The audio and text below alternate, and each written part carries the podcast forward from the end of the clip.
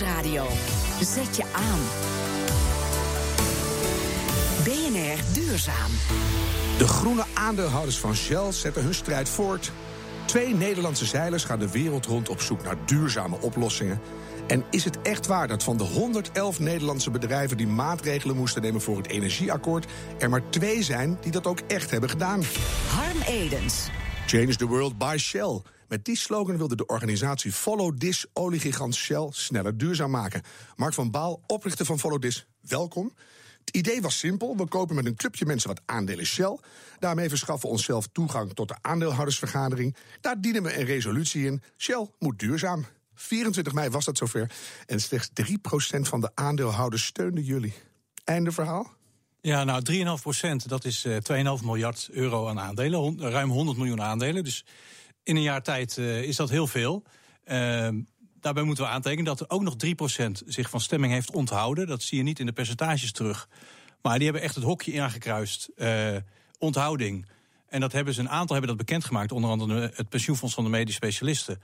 Met als opmerking: wij onthouden ons van stemming, want we vinden dat Shell veel meer leiderschap moet tonen. Mm -hmm. Dus dan hebben we het eigenlijk al over 6%, 5 miljard. Een jaar geleden stond ik daar namens 10.000 aandelen, hè, een paar ton. Um, en wat nog het allerbelangrijkste is, de Nederlandse pensioenfondsen. Een deel heeft dus meegestemd met ons. Een groot deel heeft tegengestemd. Maar die hebben allemaal uitgelegd waarom. En dat de enige reden was, wij willen niet op de stoel van de bestuurder gaan zitten, maar wij steunen de geest van de resolutie. Mm -hmm. Maar dan zou je kunnen zeggen dat jullie iets van een inschattingsfout hebben gemaakt. Je had beter moeten uitleggen wat je precies wil. Ja, dat hebben we ons uiterste best toe, uh, voor gedaan.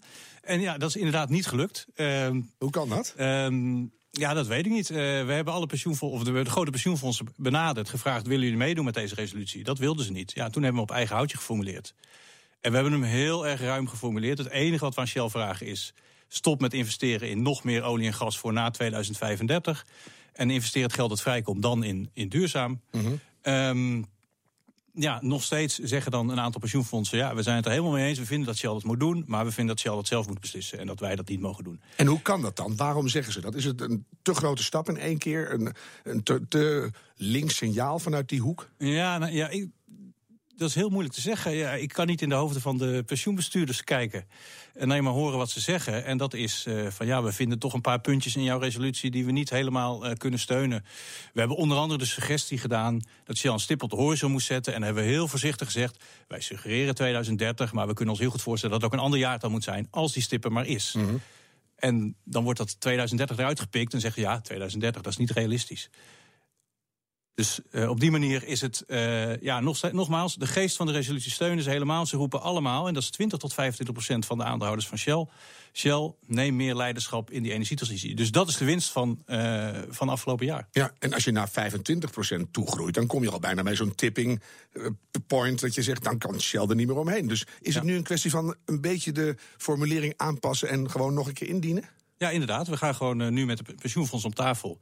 Uh, en zeggen, nou, wat, uh, hoe moeten we het anders formuleren zodat we jullie steun hebben? Uh, maar nogmaals, een meerderheid is niet nodig. De pensioenfondsen hebben 25% ongeveer. Alle dat zeg ik net. De 25 ja. dan kom je al bij de gevarenzone. Voor en de helft, de helft stemt maar. Dus daar zou je erbij kunnen zijn. Ja. Um, maar het gaat er vooral om dat het signaal aan het Shell-bestuur is investeer meer in duurzaam. Dat is ook het enige doel wat we hebben. Shell steunen in die transitie. Mm -hmm. uh, laten zien dat de aandeelhouders ook uh, willen dat ze verduurzamen. Als we nou naar Amerika kijken, daar heb je gofossilfree.org van Bill McKibben. Die zijn behoorlijk succesvol. Met ongeveer dezelfde uitgangspunten. Jij was een gewone journalist in Nederland. En wie was er eerder, Bill of jij? Nee, Bill was ruim eerder dan ik. Uh, dat, uh, ik denk dat Bill zelfs van voor, laten we zeggen, Inconvenient Truth was. Voor, uh, ja, oh, ik dacht van voor, voor de stoommachine, maar dan echt al, al vrij lang. Ja. Dus dat is voor 2006. Nee, ik ben pas in 2006, daar schaam ik me wel eens voor. Ik was al tien jaar ingenieur. En ik wist nog niet wat CO2 deed in de atmosfeer. Oh. Maar goed, Bill, of, El Gore heeft me daarop gewezen. En toen was het voor mij duidelijk van jongens, we moeten echt nu heel snel gaan veranderen. Maar waarom heb je niet Bill gebeld? Zo van Bill, I quite agree, come to the Netherlands. Nou, volgens mij is hij wel regelmatig in Nederland. Ik heb hem een keer geïnterviewd, maar jullie zijn niet samen op gaan trekken. Nee, we hebben gewoon heel veel partijen proberen te benaderen. En ja, we, we zijn met een kleine club van vrijwilligers. Ja, we kunnen niet iedereen, uh, niet iedereen benaderen. Maar ik vind dat nou net de enige die je misschien wel had moeten benaderen. Ja, gaan we meteen doen. Dan sta je sterker, want die is heel groot. Ja. Hey, mogen we even stiekem mee naar die aandeelhoudersvergadering? Want dat is toch een magisch moment. Als je, als je dat even terughaalt in je hoofd nu, hè, hoe stond jij daar? Met een, met een machtig gevoel van iemand die de wereld ging veranderen? Of was je min of meer een stout jongetje dat in de hoek werd gezet? Nee, ik voel me toch niet een stout jongetje. Ik denk echt dat dit noodzakelijk is en dat iemand het Shell-bestuur erop moet wijzen dat ze, dat ze moeten veranderen. En, en uh, het was gewoon duidelijk dat die hele aandeelhoudersvergadering alleen maar over resolutie 19 ging. Uh, het gaat niet meer over de olieprijs, het gaat niet meer over uh, nog meer olie en gas. Het gaat over wanneer wordt Shell duurzaam. En het was duidelijk dat heel Shell ermee bezig was geweest. Dat alle aandeelhouders ermee bezig waren. Dat de pensioenfondsen mee bezig waren. Nou, dan mag je je verhaal houden. En dan hoop je op een paar procent. En dat, dus wat dat betreft uh, was ik heel blij. Dit was ongeveer wat ik verwacht had, 3 procent. Mm -hmm. Ondanks een negatief stemadvies van Dat laatste, daar geloof ik amper. Ik denk dat jij stiekem had gehoopt van... en dan gaat iedereen naar me luisteren en de vlam slaat in de pan... en ik ga gewoon voor 23 procent. Ja, we hebben natuurlijk allemaal onze dromen. En natuurlijk is dat mijn droom. En het, de logica zou dat ook dicteren. Maar helaas uh, zijn dit soort grote multinationals uh, wat langzamer in hun, uh, in hun denken. En dat is ook wel verklaarbaar.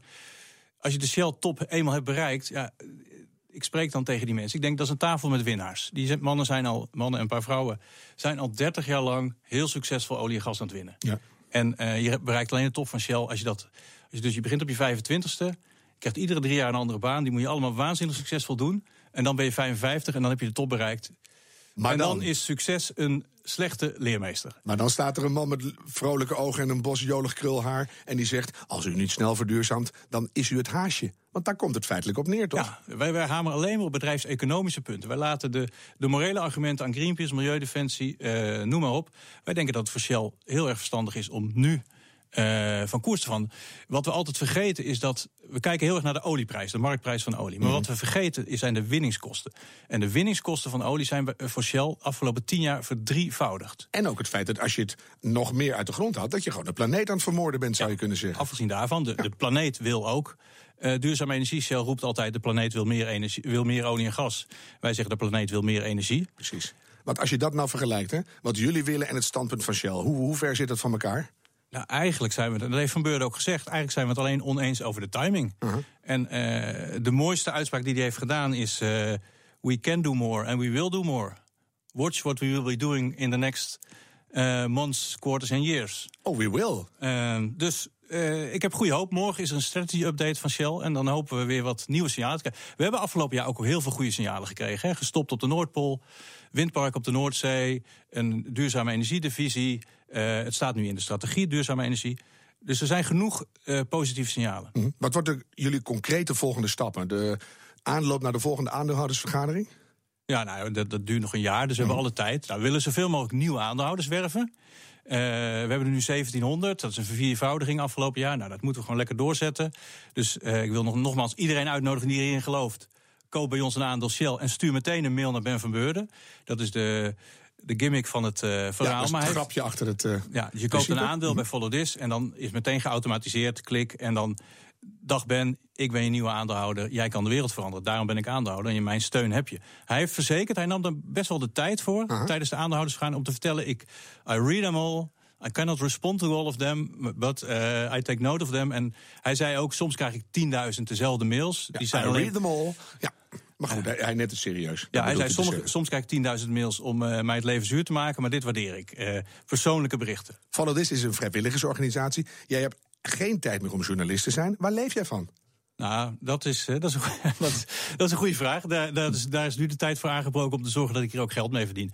Nee, ruim een jaar geleden heb ik met mijn vrouw besloten van, dat we prima uh, een jaartje op één inkomen konden draaien. En nu wordt het tijd om geld te verdienen met sponsors, lezingen, een boek. Um, dus dat komt wel. Of misschien met aandelenhandel, want jij hebt voorkennis. Dankjewel, Mark van Baal van Follow This.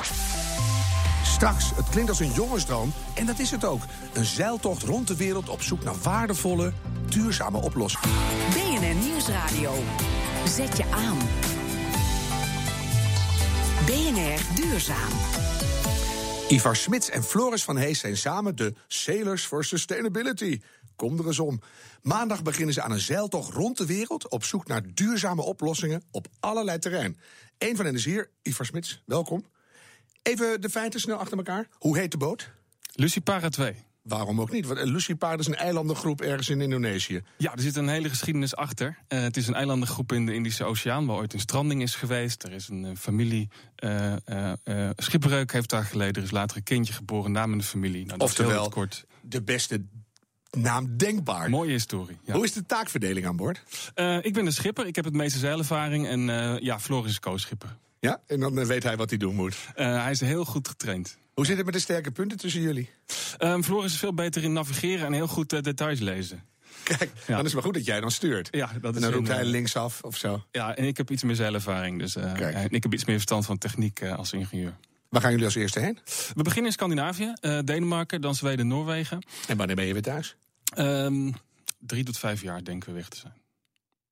Drie tot vijf jaar? Ja. Ja, de hele wereld rond is het plan. En overal waar we duurzame oplossingen tegenkomen, willen we stoppen om die te bekijken en ja. te, te, beschrijven. En als we dat hele plan gaan uitvoeren, dan zijn we ongeveer zo lang bezig. En dat is echt een levenswerk te noemen al. Uh, dus je hebt uh, ja. vrouw en kinderen vaarwel gezwaaid, huis opgezegd, banen, alles is klaar. Ja, we zijn heel goed voorbereid. dat bedoel, ja, daar gaan we het zo over hebben. Dat is nogal wat. Waarom doen jullie dit? Waar komt die passie vandaan? Um, we hebben allebei een passie voor zeilen. Dat is bij mij iets eerder begonnen dan bij Floris. Um, we willen niet zomaar op reis, maar we willen heel nadrukkelijk laten zien dat er ontzettend veel oplossingen ergens op de wereld zijn. Soms kleinschalig, soms wel iets groter.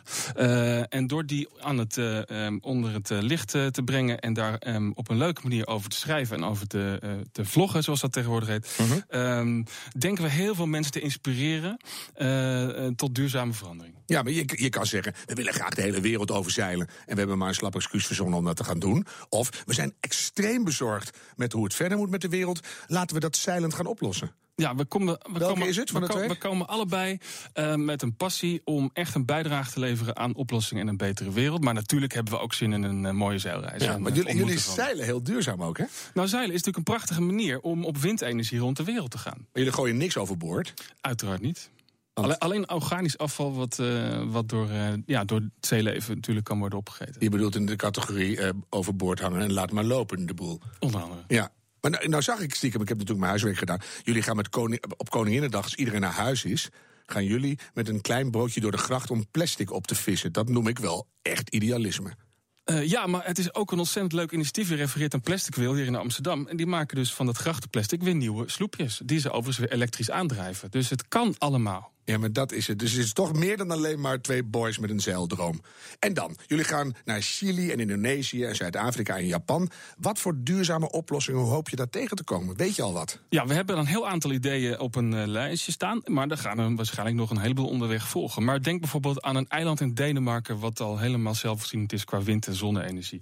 Denk bijvoorbeeld aan Bonaire, waar ze heel ver zijn met het beschermen van een zeereservaat... en waar het zeeleven heel erg goed herstelt. Mm -hmm. Denk aan een herbebossingsproject in... Uh, in Spanje, waar ze bomen aan het bijplanten zijn met hele slimme uh, kokons daaromheen. Waterboxen. Dus, ja, er zijn ontzettend veel ideeën op het gebied van energie, uh, transport, voedsel, maar ook. Um, Um, hoe mensen met elkaar omgaan, een soort lokale economie, een soort deeleconomie. Hoe je internet kan gebruiken om spullen van elkaar te lenen. Dat is een voorbeeld wat we in Amsterdam al hebben beschreven. Nou, ja. er zijn voorbeelden te over. Maar, er is misschien heel gek.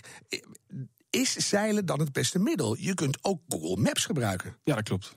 Maar als je zeilt, dan kom je op een bepaalde manier binnen. En wij hopen door het op een leuke manier uh, onder de aandacht te brengen met ons blog en via partners, dat heel veel mensen in, in aanraking komen met die oplossingen die het anders misschien niet hadden opgepikt. Dus het feit dat jullie vijf jaar van je leven nou ja, geven, niet eens opofferen, want je krijgt natuurlijk ook veel terug, maar geven aan een enorme reis en, en daar via jullie ogen en, en, en lijf over praten, dat moet de meerwaarde zijn. Ja, en hopelijk leren we onderweg natuurlijk ook een heleboel mensen kennen die we met elkaar kunnen verbinden. Dus dat betekent dat als mensen geïnteresseerd zijn in hey, hoe hebben die mensen dat daar gedaan, dat wij uh, ook een soort misschien kenniscentrum groot wordt, maar kunnen worden om mensen met elkaar te koppelen. Ja, want ik had nog bedacht, wat, wat doe je er dan mee als je een duurzame oplossing hebt gevonden? Stiekem mee naar huis nemen en hier schatrijk worden. Nou, nee, dat is niet het doel. Het doel is om zoveel mogelijk impact te hebben. Opschalen, mensen met elkaar koppelen. En natuurlijk valt er ook veel geld te verdienen als je het goede bedrijfsmodel hebt. En ik denk dat het heel interessant kan zijn voor allerlei partners die al met ons meedoen. Ja, die doen nu al mee. Die kijken al mensen met jullie mee. Want jullie hebben voor je leeftijd, hoe oud ben je? 41. Ja, nou, dat is niet heel snotneuzerig, maar nog wel jong. Hebben jullie een belachelijk dure boot? Nou, Waar doe je dat allemaal van? Dat valt erg mee. We hebben een, eh, een klassiek schip helemaal zelf gerestaureerd. En dat heeft zo'n tien jaar geduurd. Dus op zich is dat al een eh, levensduurverlengende actie. Het is echt een Eh, mooie boot. En een, en een besparing van energie en resources. Nou gaan jullie lang ronddobberen op de wereldzeeën. Dan denk ik scheurbuik, orkanen, inboorlingen. Zijn jullie wel goed voorbereid? We hopen het. Wat heb je allemaal gedaan? We hebben ons best gedaan. We hebben ons medisch voorbereid. Eh, we hebben allerlei trainingen gedaan. Op Je kan zeg maar, als, als en iemand stikt in een stukje papaya... kan jij een incisie maken en daar een big pen in slaan. Dat is de ultieme. De Die dingen? Heimlich- De Heimlich-greep zou ik eerst proberen. Die kan ik. Ja. Maar je hebt de, al dat soort dingen heb je geleerd. ja, nou, wij zijn heel goed voorbereid. eh, En, en eh, helikoptertraining heb ik gezien. Ja, dat klopt. En we hebben geleerd hoe je gered moet worden op zee. En we weten hoe je in een reddingsvlot moet. Dat hebben we allemaal gedaan. Maar ik heb er vooral van geleerd dat je erg voorzichtig moet zijn. Je bent heel kwetsbaar. En op het moment dat je iets overkomt, en ook al heb je de goede pillen bij je, dan nog heb je een probleem. Ja, en, en dan misschien wel de allerbelangrijkste voorbereiding. Eh, lang op reis is de beste relatietester. Hoe hou je het goed met z'n tweeën op zo'n boot? Ja, dat, eh, daar hebben we alle vertrouwen in dat het goed komt. Ja, dat, het is gewoon dom idealisme. Ja, denk het wel. Ik denk dat dat het beste is. en de- je hebt ook idealistische luisteraars. Kunnen die jullie steunen en hoe? Ja, nou, we hebben een website, sailorsforsustainability.nl. We bloggen alles in het Engels, maar we hebben een Nederlands domein. Ehm, daar is alle informatie te vinden over hoe ons te volgen, hoe ons te liken. Hoe meer mensen ons volgen en liken, hoe beter. En als er luisteraars zijn die denken... hey, dat is iets voor mij om intern of extern in communicatie te gebruiken... we kunnen presentaties geven. We staan open voor allerlei ideeën. Maar je bent vijf jaar weg, dan geef je ondertussen presentaties. Ja, dat kan gewoon via internet. Dat, Ja, dat dan ja, weer wel. Ja, met Skype. Maar zo denken jullie echt, dan- dan zijn wij in, eh nou noem eens iets verschrikkelijk vers... waar je dan over twee jaar bent. Nou ja, vanaf, eh, vanaf Australië zou dat zo maar. Guadeloupe, vind ik altijd zo mooi klinkt. Ik weet niet waar het ligt, maar, maar je kan- prachtig. Dan geven jullie een presentatie voor een bedrijf. Over, dat- over wifi. oh, wat, ja, wat vind je ervan? Ja, ik ben aan boord hoor. Eh, ja, ik ga dit volgen. Dit is natuurlijk enorm goed om te laten zien dat het kan. Er is zoveel eh, eh, scepticism eh, over eh, wat er, dat het allemaal niet mogelijk zou zijn. Nou, dat eiland in Denemarken kun je gewoon laten. Als een eiland het kan, kan de wereld het ook op duurzame Ja. energie draaien. Bonaire gaat het al doen, dus het, het wordt een gigantische kruisbestuiving. Iedereen wordt blij. Ik eh, ga gewoon samen met Mark zeggen: wij gaan jullie volgen, ook namens BNR Duurzaam. We gaan elkaar nog heel vaak spreken. Dank en ik wens jullie een behouden vaart. Ja, heel erg dank hoor. Ivar Smits. De minuut van de waarheid. Van de 111 bedrijven die maatregelen moesten nemen voor het energieakkoord, hebben er maar twee dat ook daadwerkelijk gedaan. Die bewering stond afgelopen week in Vrij Nederland. Maar klopt die ook? André van Arnhem, redacteur van dit programma, zoekt het uit. Factchecker is deze keer Joop Oude Lohuis, tot voor kort van Ecovis.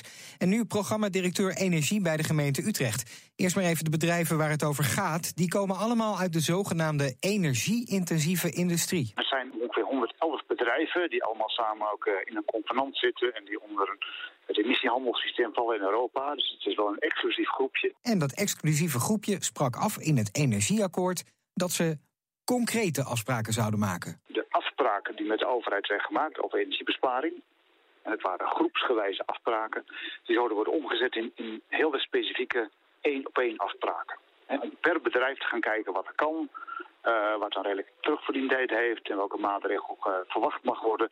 En daar dan ook afspraken over maken. Ja, maar dat is dus niet gebeurd. Nee, dat is niet gebeurd. Maar gewoon, en de registratie, hè, dus van, de, van de, het energieverbruik zelf, laat ook zien dat het eh, tempo eerder omlaag gaat dan omhoog.